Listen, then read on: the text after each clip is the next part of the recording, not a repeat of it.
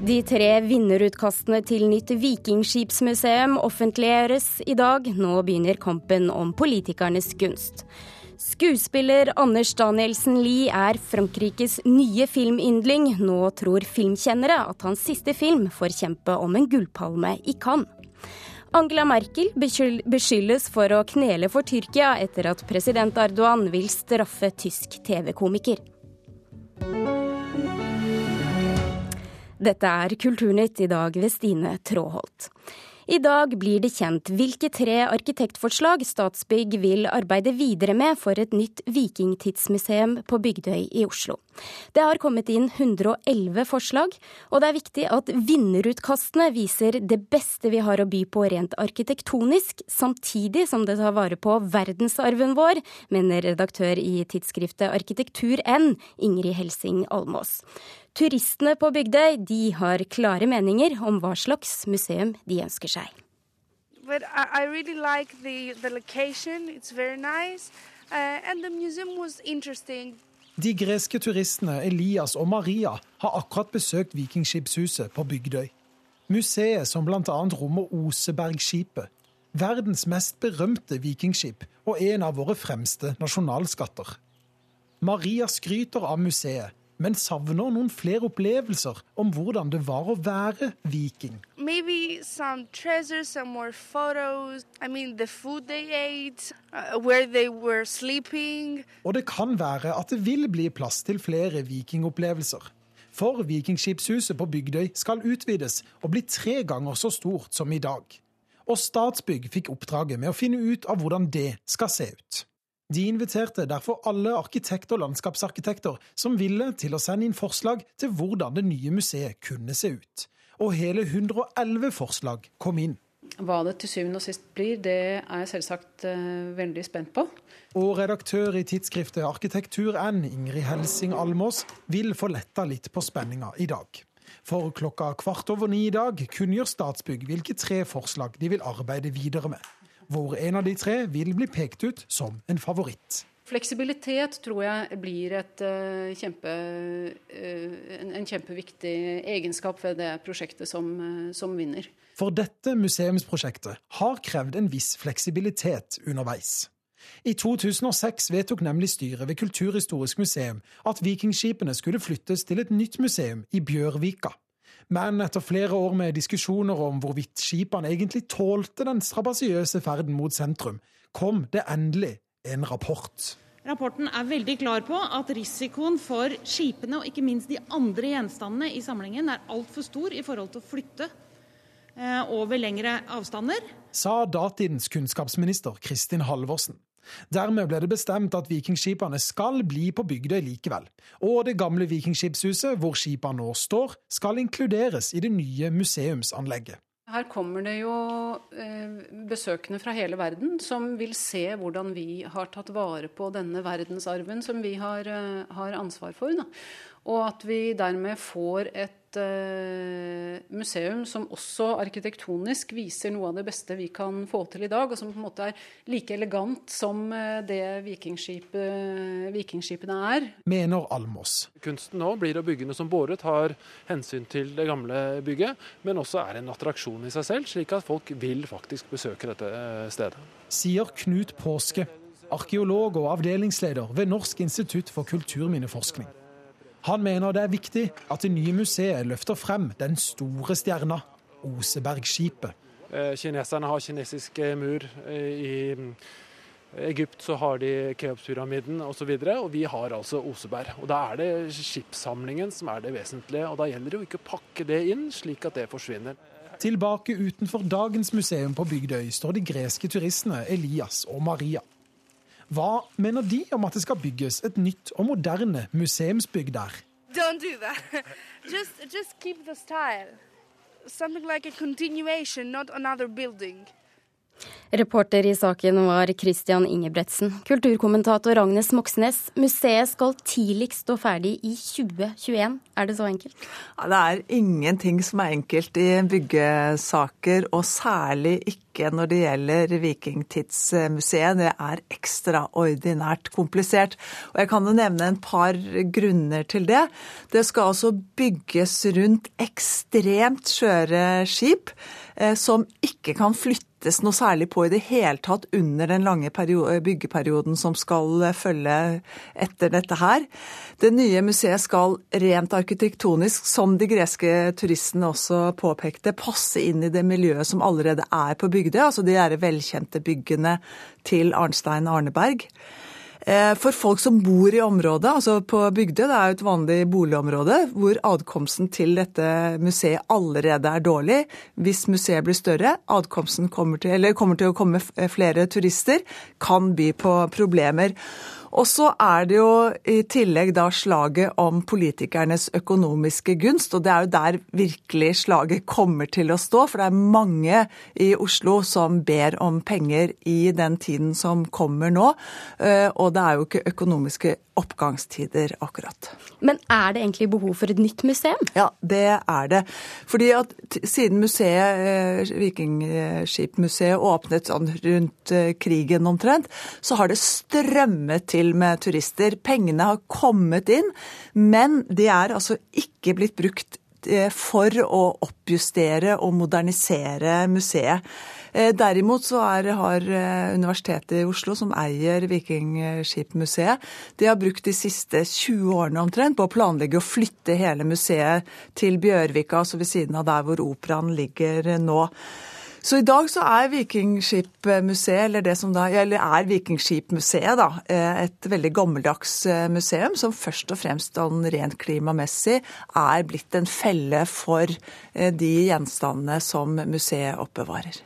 Det er eh, pressekonferanse med Statsbygg i dag. 111 utkast, tre vinnere. Hvem er de? Ja, Det er jo det, det store spørsmålet. Det vi vet, det er at antageligvis de aller beste arkitektkontorene fra Norden og definitivt fra Norge er med i denne konkurransen. Og så får vi se da i løpet av dagen i dag hvem som går av med seieren. Det kan jo godt være at det ikke er et norsk kontor, men et nordisk eh, kontor. Det som er helt sikkert, er at vi snakker her om et av verdens ikke største museer, men viktigste museer. Takk, kulturkommentator Agnes Moxnes.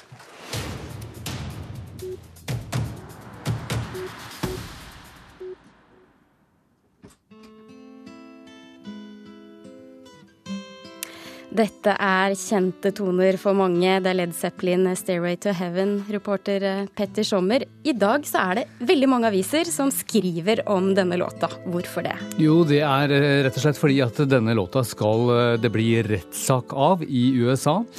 Den er gjenstand for plagiatbeskyldninger. Man sier det at Robert Plant og Jimmy Page, som lagde denne låta i på begynnelsen av 70-tallet, ikke har lagd den helt selv, ikke uinspirert av andre. Den ligner altfor mye på låta 'Taurus' av den amerikanske gruppa Spirit, og da kan vi jo høre selv.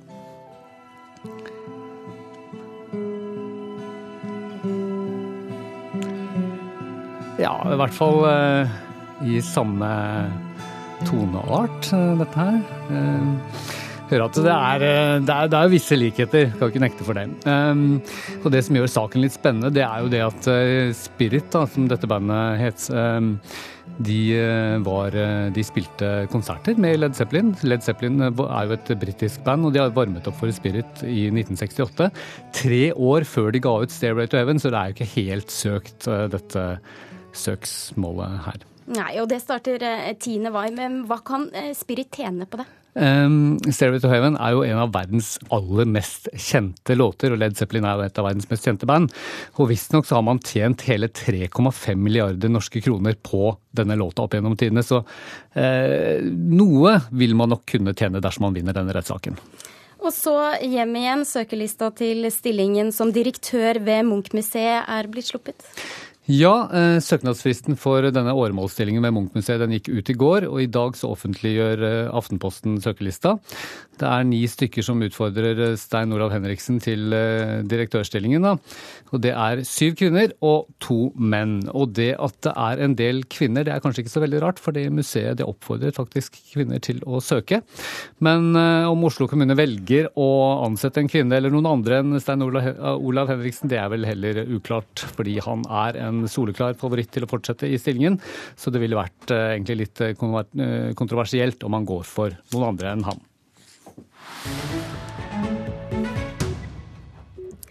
Torsdag denne uka så blir det kjent hvilke filmer som er plukket ut til å konkurrere om den prestisjetunge Gullpalmen under filmfestivalen i Cannes. Og høyt oppe på mange filmbloggeres liste er det en ny fransk film med den norske skuespilleren Anders Danielsen Lie i en av hovedrollene. Velkommen til Kulturnytt, Anders Danielsen Lie. Tusen takk for det. Mange som her hjemme i hvert fall, som kjenner deg fra Joachim Triers eh, filmer 'Reprise' og 'Oslo 31. august'.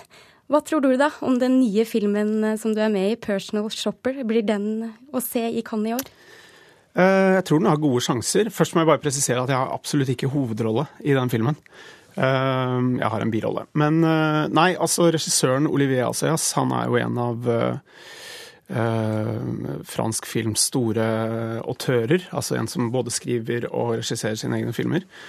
Uh, og er jo en eh, mann som har vært i Cannes mange ganger. Og han var også i Cannes uh, med sin forrige film, som Kristen Stewart, den amerikanske kjente skuespillerinnen, spilte i. Og hun spiller hovedrollen i denne filmen. Så jeg tror filmen har gode sjanser, men man skal ikke ta noe for gitt i Cannes. Nei, det skal man ikke, men det er kanskje mange som også kjenner Kristen Stewart fra Twilight-filmene. Du har vært der før, i 2011, mm. med Oslo 31. august. Og siden den gang, den gang da, så har du rukket å spille inn tre franske filmer. Og nå omtaler fransk presse deg som melankoliens ansikt når de uh, beskriver deg. Hvordan har du klart å komme dit? Uh, ja, det er en lang historie. Det var nok ikke noe jeg jobbet sånn veldig målrettet for. Men Oslo 31. august var en veldig stor suksess både Eh, når det gjelder billettsalg og, og kunstnerisk og kritikermessig i, i Frankrike. Um, det, den fikk en helt spesiell um, uh, gjennomslagskraft i, uh, i, Frankrike. Og i kjølvannet av det så begynte jeg å få en del tilbud, faktisk, fra, fra franske regissører, selv om jeg på den, det tidspunktet ikke snakket spesielt godt fransk. Så det um, Jeg husker det første tilbudet, det bare det bare refuserte jeg, fordi jeg trodde ikke det var mulig å få det til. Og dessuten var jeg midt i, i medisinsk turnustjeneste, så det var ikke mulig å få til. Eh, men så eh, har jeg gjort eh, nå to franskspråklige filmer. Da. 'Personal Shopper' er en engelskspråklig film. Men jeg har gjort en stor birolle og en hovedrolle. Og nå syns jeg jo at det går bedre og bedre med språket. Ja, Du har lært deg fransk, du har fått gode kritikker for det. Vi skal høre eh, et klipp fra filmen 'Sentiment de l'été', som kom ut eh, tidligere i år. Sais que la première fois que je suis venu à Paris, j'étais euh, dans ce quartier. Mm -hmm. J'ai toujours trouvé le quartier un peu bizarre. Moi, j'aime bien. Je me suis habituée, je crois. Ja, denne filmen er ikke vist i Norge, men hva slags respons får du på fransken din fra franskmenn? Eh, ja, det var jo noe av det jeg var mest bekymret for. I en hovedrolle, veldig bærende hovedrolle med nesten bare fransk dialog. Jeg trodde det kom til å gå helt uh, galt, eller i hvert fall uh, over stokk og stein. Men det er faktisk blitt veldig godt mottatt, og det, jeg tror det har litt å si at i hele fransk filmhistorie så har man en tradisjon for å dyrke utlendinger i fransk film. Altså, det har vært en veldig viktig del av helt sentrale faser i fransk eh, filmhistorie, sånn som den franske nybølgen. Der var det flere som snakket med tjukk aksent. Og, og, det er noe som eh, franskmenn syns er interessant. Eh, jeg tror jeg vil si at det er en, det er en forskjell på, på, fransk film og amerikansk film. Hvor I amerikansk film så er det ofte sånn at alle blir kjørt gjennom en sånn Alle utenlandske skuespillere blir kjørt gjennom en sånn kvern, hvor alle må gå til amerikansk language coach, og alle skal assimileres, da. Mens, uh, mens, i Frankrike så er det litt mer takhøyde for uh, å være fremmed og egenartet, tror jeg. Anders Danielsen Lie, vår tid er ute, men vi skal følge med når programmet til årets Cannes-festival kommer på torsdag. Takk for at du kom til Kulturnytt. Klokken nå er nå snart ti på halv ni, og dette er hovedsakene i Nyhetsmorgen. De færreste styrene i de store norske bedriftene følger godt nok opp selskapet de skal styre, sier professor ved Handelshøyskolen BI, Morten Huse. To år etter at Boko Haram bortførte 200 skolejenter i Nigeria, er de fortsatt ikke kommet til rette. Nå sier Boko Haram at de kan slippe jentene fri dersom de får en halv milliard kroner i løsepenger. I Brasil har en kongresskomité sagt ja til å stille presidenten for riksrett. Presidenten er anklaget for å ha omgått lovverket for å sikre seg gjenvalg i 2014 ved å skjule landets budsjettunderskudd.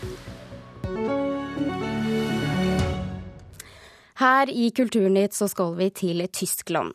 I går ble det kjent at Tyrkias president Recep Tayyip Erdogan krever at den tyske TV-satirikeren Jan Bøhmermann blir straffet.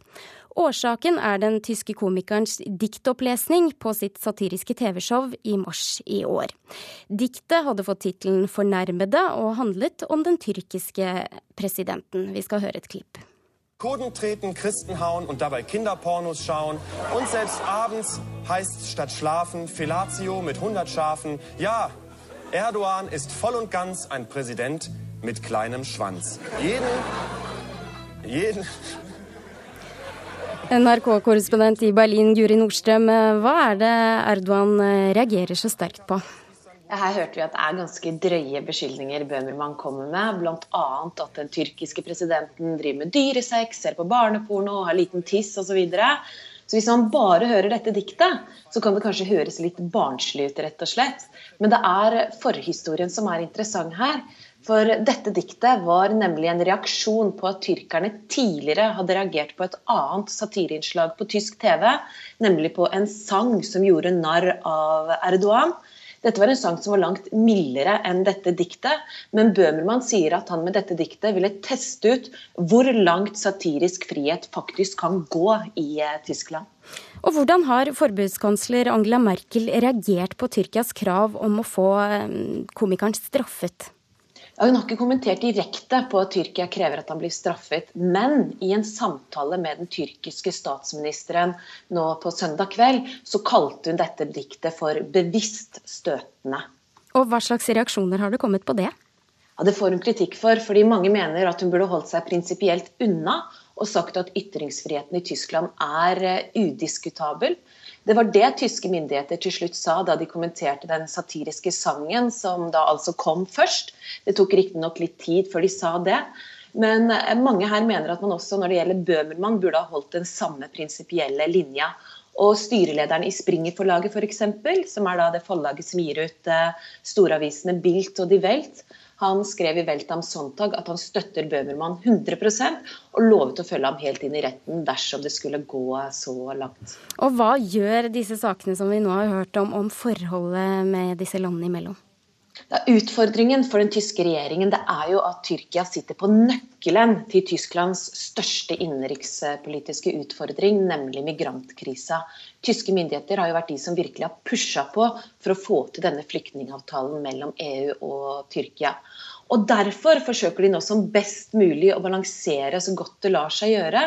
Og Det ble veldig tydelig da regjeringens pressetalsmann Steffen Seibert svarte på dette under en pressekonferanse her i Berlin i går.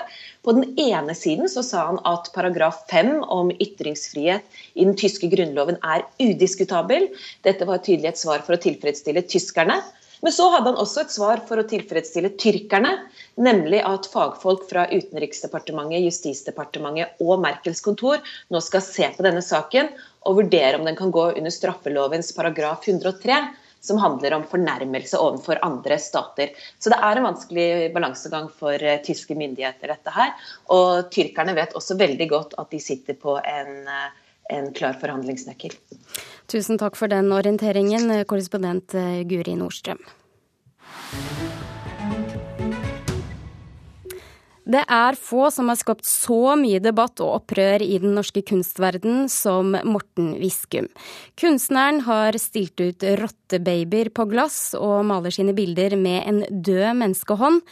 Nå viser Galleri Fine Art på Tjuvholmen i Oslo arbeider fra hele hans eh, karriere. Mona Palle Bjerke, kunstkritiker i NRK. Hvorfor er dette en utstilling eh, som det er verdt å snakke om? For dette er et bemerkelsesverdig kunstnerskap. Og her kan man altså, som du sier, se arbeider fra, helt fra han da brøt veterinærstudiene i 1993 og helt frem eh, til i dag. Og Morten Viskum er jo en kunstner som har gjort døden til sitt eh, tema. Og det er jo litt sånn i dag at døden er på en måte litt, litt av et tabutema i vår skjønnhets paniske skjønnhetspleie og vår, vår, kroppsorientering, så ligger jo dødsangsten under og lurer under overflaten. Og Viskum gjør jo det kunstnere har gjort gjennom århundrer. Han gir oss denne dødspåminnelsen og viser livets eh, flyktighet på ulike bisarre måter. Ja, og Gi oss noen eksempler på hva vi får se på denne utstillingen. Ja, det, Noe av det første vi ser når vi kommer inn, er jo da eh, dette verket som du nevnte innledningsvis. Dette Rotte-oliven-prosjektet hans fra 1995. Hvor han faktisk da la, byttet ut olivene i 20 olivenglass og puttet rottebabyer på formalin og eh, plasserte ut da i 20 forskjellige matbutikker i store byer i Norge. Og da ble han veldig kjent eh, helt med en gang. Og så kan vi også da i begynnelsen av utstillingen se en av de døde hendene til Viskum. Eh, smakfullt da og respektfullt plassert sånn at man må be om å få se den. Så den ligger i en metallboks. Ja, hendene Han har mange. Ja, Hvor mange er det nå? Han har faktisk syv hender. Det er da den første som heter Hånden som aldri slutter å male. Det er den eh, andre hånden, den nye hånden. Han har to kvinnehender, han har en eh, svart hånd. Og det som er litt morsomt, og som vi også ser i denne utstillingen, det er jo at alle disse hendene de har ulike formspråk. Så han liksom har personifisert disse hendene og gitt dem sitt spesielle uttrykk. Og det aller flotteste uttrykket syns jeg er denne aller første hånden, som heter 'Hånden som aldri slutter å male', som maler disse loddrette strekene eh, som skaper sånt eh, nesten nettverk av farger eh, som liksom flimrende. Eh, så det er veldig flotte maleri. Det er jo ikke tvil om at han klarer å, å skaffe seg mye medieomtale. Det er kontroversielle teknikker og det han stiller ut. Men er dette god kunst?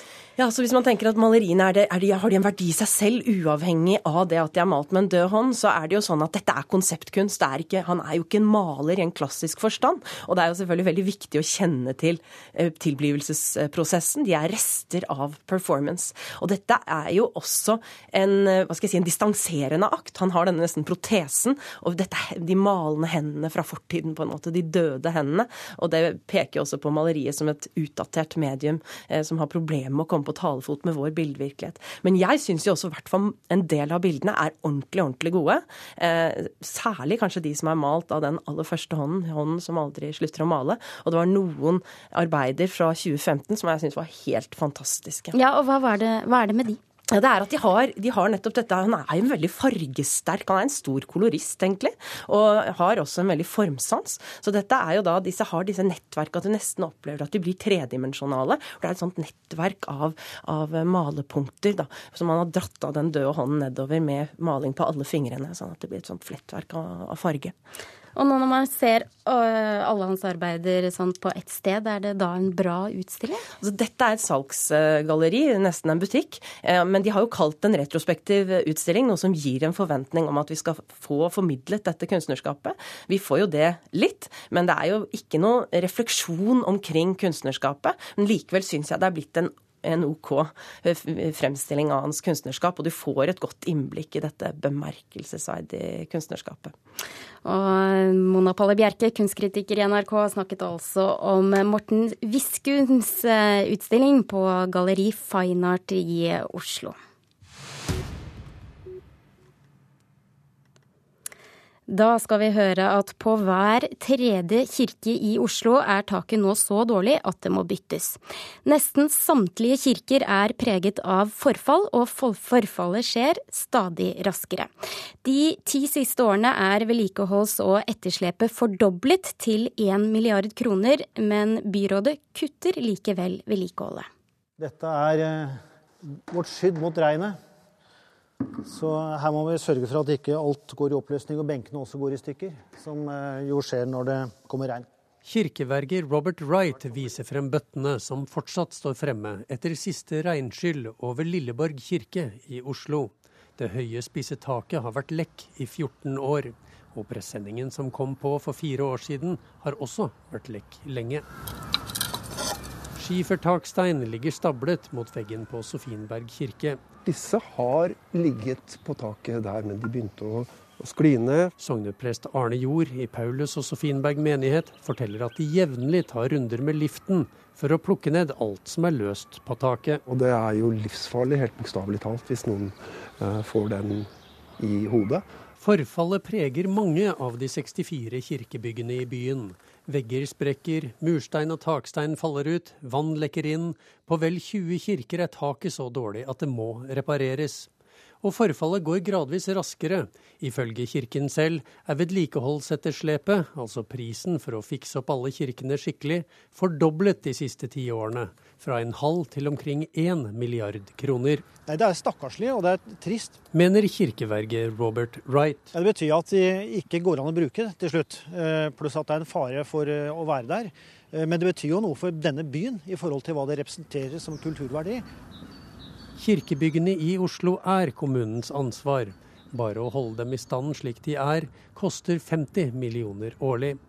De siste årene har kommunen bidratt med 30. Det rød-grønne byrådet har kuttet dette til 20 millioner. Vi overtok etter 18 år med borgerlig styre en situasjon hvor det er 1 milliard, eller kanskje mer, i vedlikeholdsetterslep i kirka. Forteller kulturbyråd Rina Mariann Hansen fra Arbeiderpartiet.